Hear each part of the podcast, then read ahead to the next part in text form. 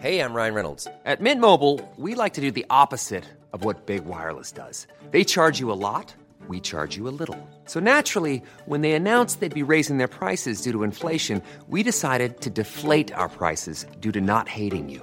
That's right. We're cutting the price of Mint Unlimited from $30 a month to just $15 a month. Give it a try at mintmobile.com slash switch. $45 upfront for three months plus taxes and fees. Promo rate for new customers for limited time. Unlimited more than 40 gigabytes per month. Slows. Full terms at mintmobile.com. Med, eh, med två veckor kvar till VM-kvalets avgörande så kanske vi ska börja det här svepet med att ta på oss Janne Anderssons blågula förbundskaptensglasögon och konstatera följande. Slagge Ibrahimovic är tillbaka fysiskt med dubbla inhopp samt en 90-minutare senaste veckan. Två mål blev det mot Bologna, ett i varje bur och när Milan lämnade Dalara så hade de segrat med 4-2 efter en minst sagt svängig tillställning. Visst, han har sett mer tajmad, rörlig och självklar ut, men det är fyra matcher kvar innan folk börjar droppa in på Scandic Park igen, så nog fan börjar det lukta Ibrahimovic lång väg om den här VM-kvalrysaren. Alexander Isak spräckte äntligen målnollan i La Liga för säsongen och som han gjorde det. Borta mot Atletico Madrid och på liggande frisparksboll. Vissa kommer ropa målvaktstavla av Jan Oblak, men inte jag.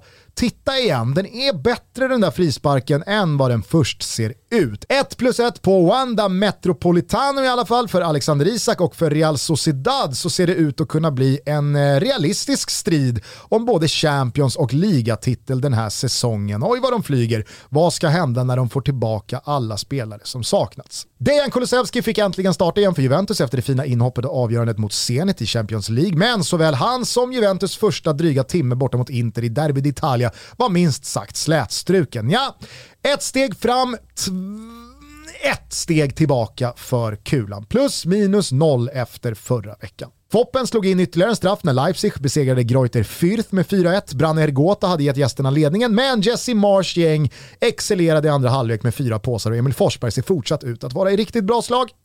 Ludvig Augustinsson slog hörnan som Oliver Torres på volley tryckte upp i Levantes nättak och den svenska vänsterbacken har på kort tid fått spela en hel del i Lopetegis Sevilla efter att de första knappa två månaderna inte ens fått en enda sekund. Igår var det dock kanske bättre offensivt än defensivt. Matchen slutade hela 5-3 till Sevilla. Hmm, mer då? Vad har vi mer? Albin, han har inte spelat fotboll för Sampdoria sedan Greklandsmatchen. Koffe Olsson halvångar, ja, halvångar på i Anderlecht och Emil Kraft fick starta första matchen efter att Steve Bruce lämnat Newcastles tränarbänk. 1-1 borta mot Palace. Viktor Claesson startar på i ett Krasnodar som går helt okej okay i ryska Premier League, men högerspringaren jagar fortfarande säsongens första pyts. Robin Olsen, han gnetar på i Sheffield United, men vad spelar det för roll egentligen med tanke på hur de senaste åren sett ut för att få sista utpost? Han kommer göra sitt när han väl drar på sig landslagströjan ändå. Mackan Danielsson har suttit i karantän sen senaste landslagssamlingen och jag vet ärligt talat inte om Dalian kommer släppa honom den här gången. Och då återstår väl bara för mig att rapportera att vår kapten Victor Nilsson Lindelöf, precis som hela Manchester United, hade en av sina värsta dagar på jobbet igår mot Liverpool. Klopp kostade på sig att inte ens starta med Mané eller Matip, Fabinho saknades också och ändå var känslan att Liverpool skonade Manchester United efter Pogbas utvisning och 0-5 i prutten efter en timme. Hade ytterligare Liverpool-påsar räddat liv så hade det här kunnat sluta tvåsiffrigt. Garanterat, så var verkligen känslan. I en rimlig värld så hade Ole Gunnar Solskär gått under med det här skeppet, tackat för sig i paus och vänt hem till Molde. Men nej då, bonkatten ska ingenstans. Spurs nästa, hepp hepp! Utöver detta då, från den otroliga helgen som var. Oj, Marseille lyckades hålla en mållös stång mot PSG på velodromen. Ajax pulveriserade PSV med 5-0. Giovanni Simeone gjorde en poker, alltså fyra mål när Hellas Verona krossade Lazio och skickade Sarris gäng på retiro.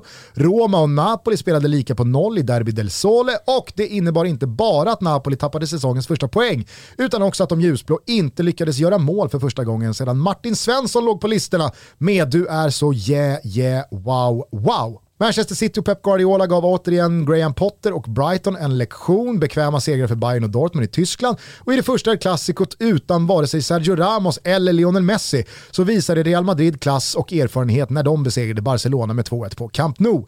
David Alaba och Lucas Vasquez blev målskyttar innan Kun Agüero putsade siffrorna med matchens sista spark. Men det var de vitkläddas mittfält som vann den här matchen. Casemiro, Toni Kroos och inte minst Luka Modric har gjort det förr och är still going strong. Don Carlo Ancelotti är efter en kortare tveksamhetsperiod tillbaka på banan och Real är nog, när en fjärdedel av La Liga-säsongen nu är spelad, laget att slå. Hemma i Sverige så går det allsvenska guldracet vidare och det gör det på det allra mest spännande sättet. Djurgården ledde oförtjänt med hela 3-0 i paus mot Kalmar.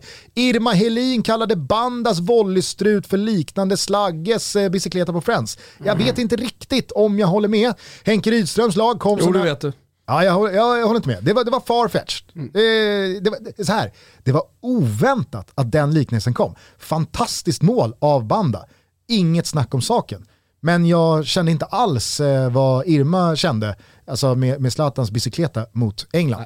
Eh, skitsamma, Henke Rydströms lag kom så nära som 3-2 men blåränderna kunde hålla undan och landa tre tunga poäng under lördagen.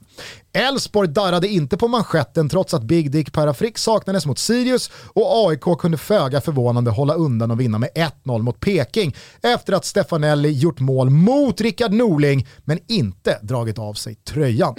Malmö tappade två poäng borta mot Varberg och de regerande mästarna kan summera en riktigt jobbig vecka. Nu väntar just Gnaget på onsdag och det känns på förhand som en av de mer kittlande allsvenska matcherna på väldigt länge. Bayern lyckades med nöden uppe hänga på toppkvartetten där bakom efter att Mo till slut dragit dit 4-3 från straffpunkten på tilläggstid och i och med det så skickade man även Östersund till superettan. Bye, bye, ÖFK. Där kommer också Örebro spela nästa säsong om de ikväll inte lyckas besegra antagonisterna från Degerfors. Så ser verkligheten ut. Blåvitt slog nämligen Mjällby och nekade dem det där hållna nollan-rekordet som den gamla keepern Håkan Svensson haft sen Martin Svensson låg på listorna med du är så yeah yeah wow wow och HBK lyckades på något sätt vända och vinna borta mot Häcken. Så nu finns inga livlinor för örat. Vinna eller försvinna. Mm.